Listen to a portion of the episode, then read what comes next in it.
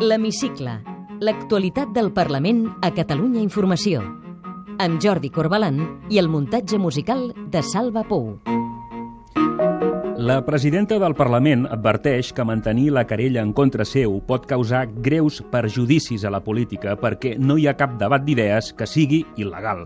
Carme Forcadell presentava dilluns davant el Tribunal Superior de Justícia el recurs contra l'admissió a tràmit de la querella de la Fiscalia per prevaricació i desobediència. És la notícia amb què començàvem una setmana en què l'activitat del Parlament s'ha centrat en les comissions. Benvinguts a l'Hemicicle. L'Hemicicle. L'actualitat del Parlament a Catalunya Informació. Govern i oposició debaten la gestió ferroviària a la Comissió de Territori coincidint amb noves incidències a les línies del sud. No disposem de les eines per sancionar la mala qualitat del servei. No crec que, que vostè no tingui eines per sancionar a l'operadora. El Parlament reobrirà el debat sobre la llei electoral amb una proposició de Catalunya sí que es pot. Eh, hem trigat molts anys, des del 79 que estem en provisionalitat, però aquesta vegada pot ser la definitiva.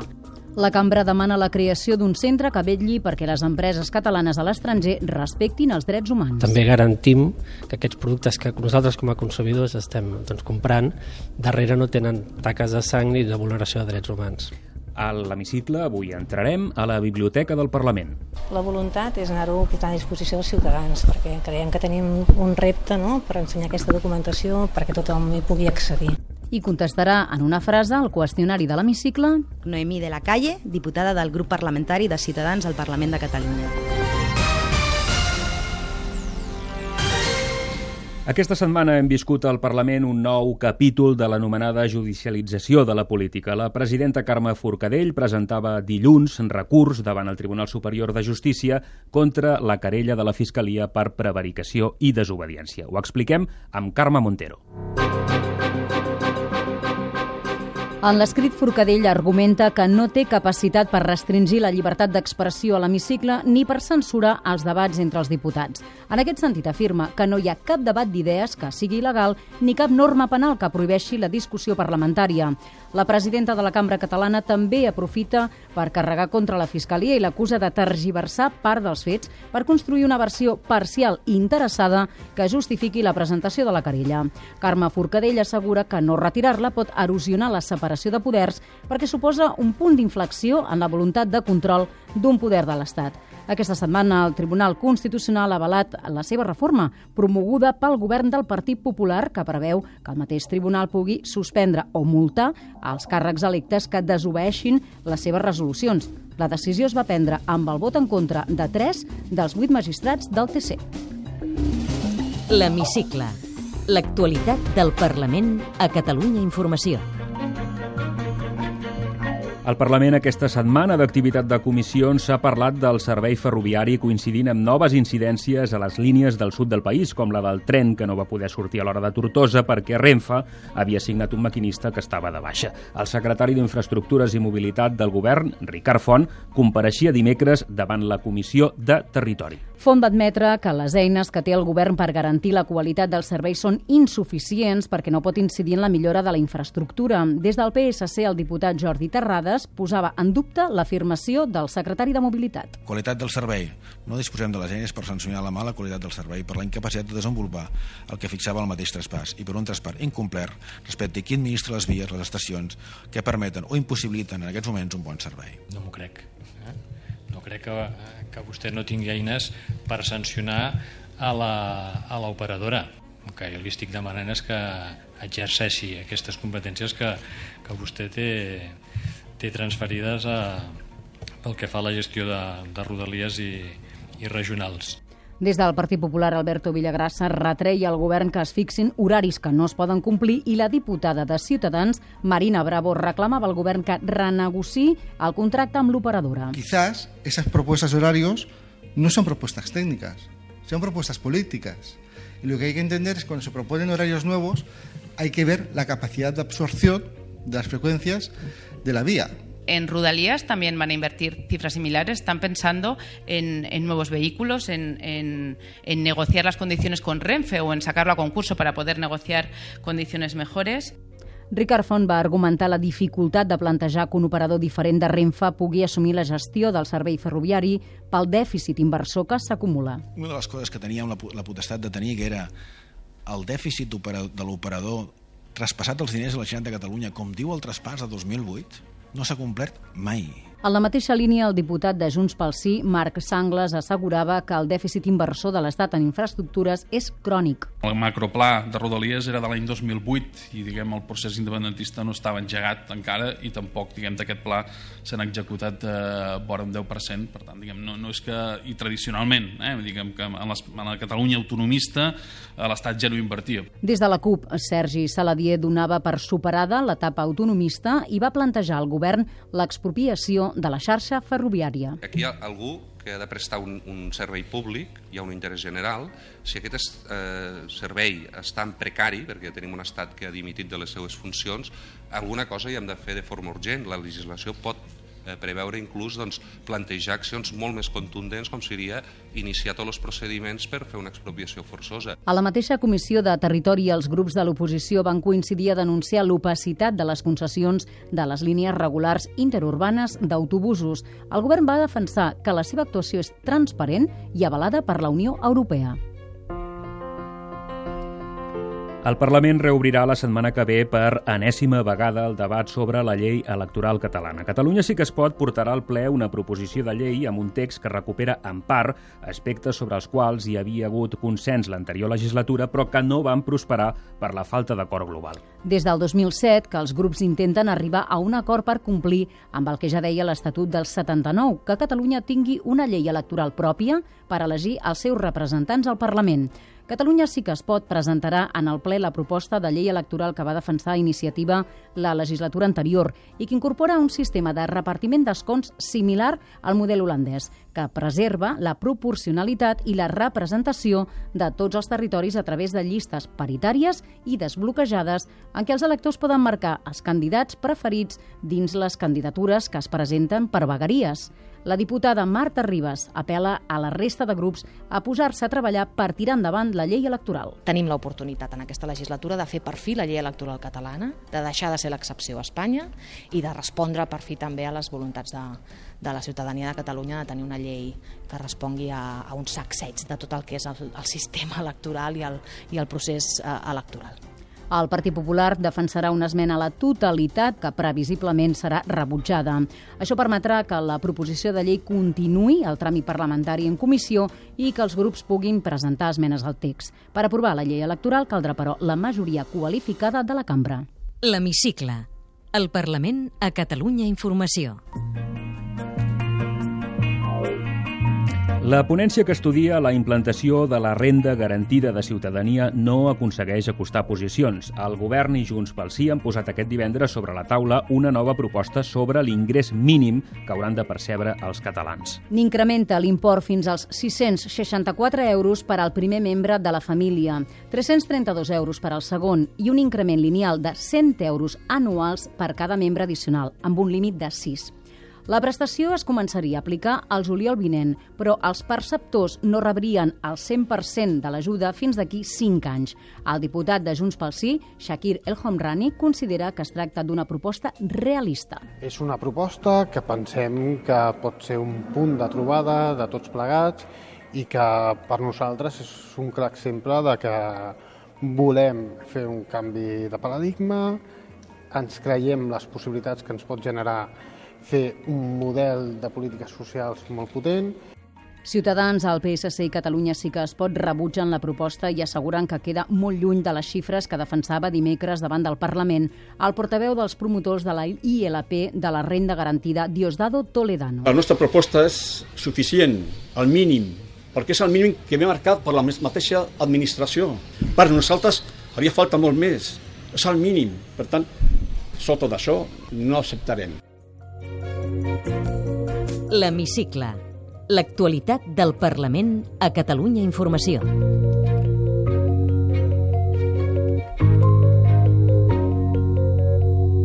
El Parlament demana al govern que vetlli perquè les empreses catalanes amb inversions a l'exterior compleixin els drets humans i el dret internacional del treball.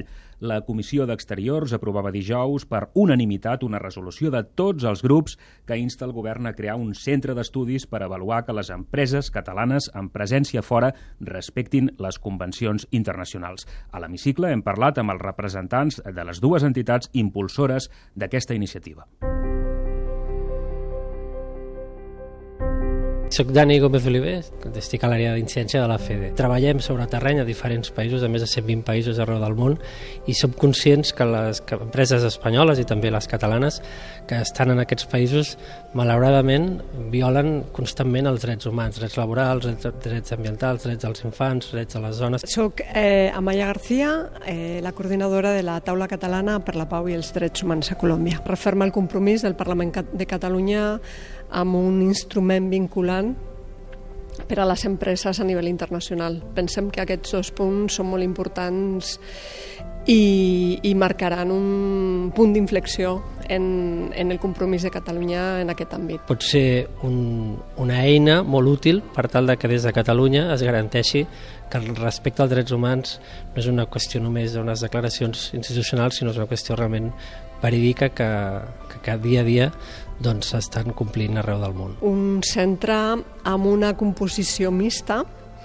institucional, de govern, Parlament, altres institucions, però també de la societat civil, amb entitats de, d'organitzacions socials, ONGs, i que tingui la capacitat de generar de me mecanismes de control reals. També és una mirada cap a dintre, no? que les mateixes que aquestes empreses catalanes que estan operant a fora, que moltes vegades doncs, també venen aquestes empreses tèxtils que venen els seus productes a, als centres comercials, a les botigues a casa nostra, doncs també garantim que aquests productes que nosaltres com a consumidors estem doncs, comprant, darrere no tenen taques de sang ni de vulneració de drets humans.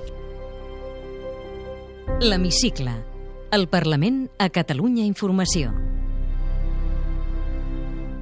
Ciutadans i el Partit Popular van defensar la Comissió de Cultura traslladar la Diada l'11 de setembre al dia de Sant Jordi. El Partit Taronja va presentar una proposta de resolució que la majoria de grups van tombar.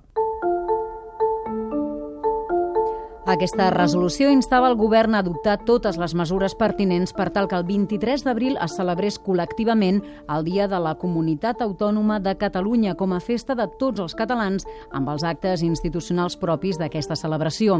La diputada de Ciutadans, Susana Beltrán, i la popular Maria José García van defensar la modificació de l'Estatut per canviar aquesta data davant la utilització partidista, diuen, de l'11 de setembre. Tots sabem perfectament quin, quin és el reclam d'aquestes manifestacions i tots sabem també doncs, que hi ha molta que ja es comença a sentir desvinculada, desenganxada d'aquest dies. Creemos que hay que recuperar y promocionar el sentimiento de pertenencia a una comunidad que exalte valores positivos frente a la exaltación de sentimientos negativos como son el agravio, la confrontación. La resta de grups parlamentaris van defensar l'11 de setembre com a Diada Nacional de Catalunya. Sentim Josep Maria Forner, de Junts pel Sí, Rafael Bruguera, del PSC, Gemma Lienes, de Catalunya Sí que es pot, i Mireia Boia, de la CUP. No és veritat de que l'11 de setembre no siguin valors positius ni constructius. Senzillament mantenim la dignitat d'aquells que van resistir, fins i tot sabent que perdent o perdien en aquell moment les banderes, però que la seva resistència havia de tenir continuïtat. La Comissió de Cultura del Parlament de Catalunya no pot modificar l'Estatut el nostre grup no tolerarà que Ciutadans vulgui ignorar que aquesta és la festa nacional de Catalunya que ens ha d'incloure a totes i a tots. Jo vos convidi a que vos és que des 17 de juny també una segona diada nacional perquè irades aranesi en Junts estem compartint aquest país. La proposició rebutjada també plantejava que el govern espanyol impulsés davant la UNESCO que la festa de Sant Jordi sigui declarada Patrimoni Cultural Immaterial de la Humanitat. En aquest punt el PSC es va sumar a Ciutadans i al PP. Junts pel Sí va deixar clar que des del Departament de Cultura ja s'han començat els tràmits per impulsar la candidatura.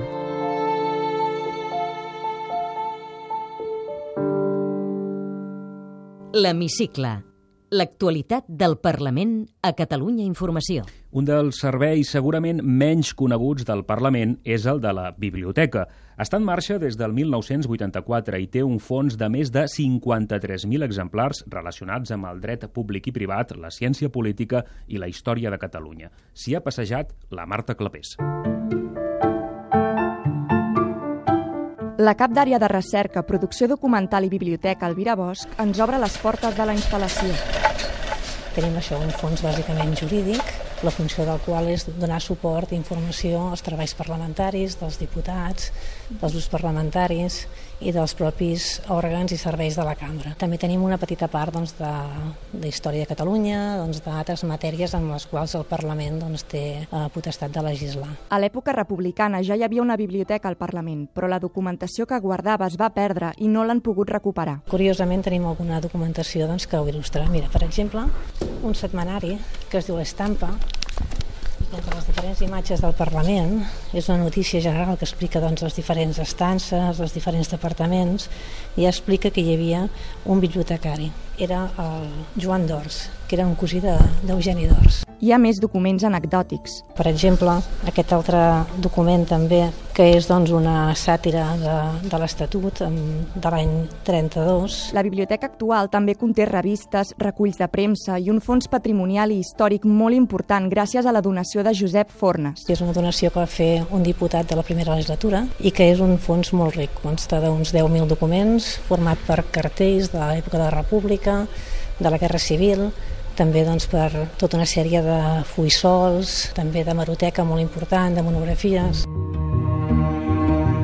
Més enllà del fons bibliogràfic, la Direcció d'Estudis Parlamentaris prepara dossiers pels diputats. El que estem elaborant doncs, és una sèrie de dossiers doncs, per donar suport a les tramitacions parlamentàries, com són els projectes i proposicions de llei, a bibliografies temàtiques sobre temes doncs, d'interès, doncs, no? a, també doncs, dossiers temàtics sobre temes d'actualitat o que són propis del Parlament, com tècnica legislativa, el control parlamentari. La progressiva digitalització de molts exemplars ha reduït la quantitat de llibres disponibles físicament a la biblioteca. La documentació cada cop és més virtual, més digital i no tan física. No? Els mateixos butlletins que dit el Parlament o els butlletins oficials de qualsevol institució fins ara eren en paper i ara doncs, són en electrònic. Tot això doncs, ha deixat d'ocupar un espai que sí que, que és visible doncs, a través de la pàgina web del Parlament. Aquesta digitalització ha estat un avantatge. Perquè hi havia una sèrie d'informació que era molt dificultosa d'obtenir, era molt cara de comprar i també molt costosa doncs, a, en quant a espai que ocupava. No? Tot i que segueixo pensant que la presència física de la biblioteca és necessària perquè hi ha tota una part de fons que evidentment s'ha de consultar en paper i tota una part d'usuaris doncs, d'assessorament, de, de, contacte. La relació amb l'usuari també ha canviat. Abans hi havia una presència física i ara doncs, hi ha una petita part que vol tenir aquesta, aquest contacte físic i, i aquesta atenció doncs, a la biblioteca, però la majoria ja és doncs, a través de la internet o a través del correu electrònic o del telèfon. La Biblioteca del Parlament ha intentat donar-se a conèixer a través d'exposicions obertes al públic. L'última va ser l'any passat, en motiu del 75è aniversari de la mort de Lluís Companys, i van rebre una visita molt especial. Un dels visitants que va venir a veure l'exposició va ser un senyor que es diu Ramon Ballester eh, i que ens va explicar que era nebot de Lluís Companys i aleshores doncs, aquest senyor quan es va assabentar que estaven fent aquesta exposició va venir fins aquí al Parlament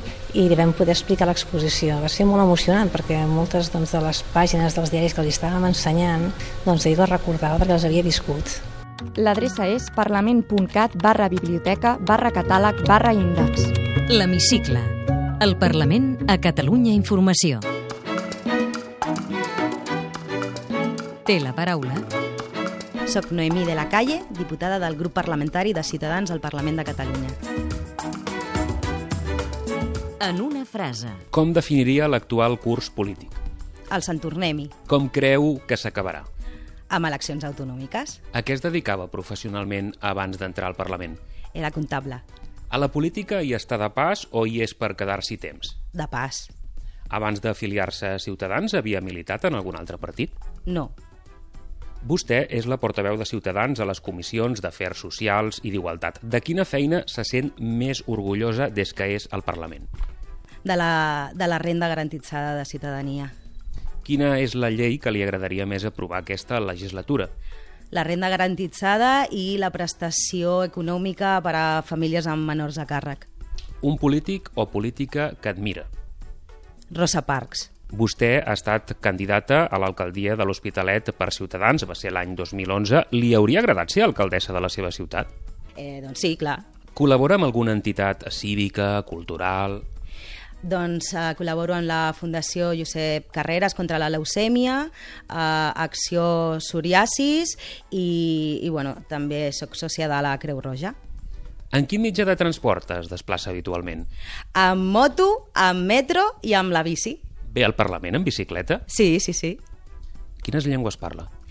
El català, el castellà i xapurreo l'inglès.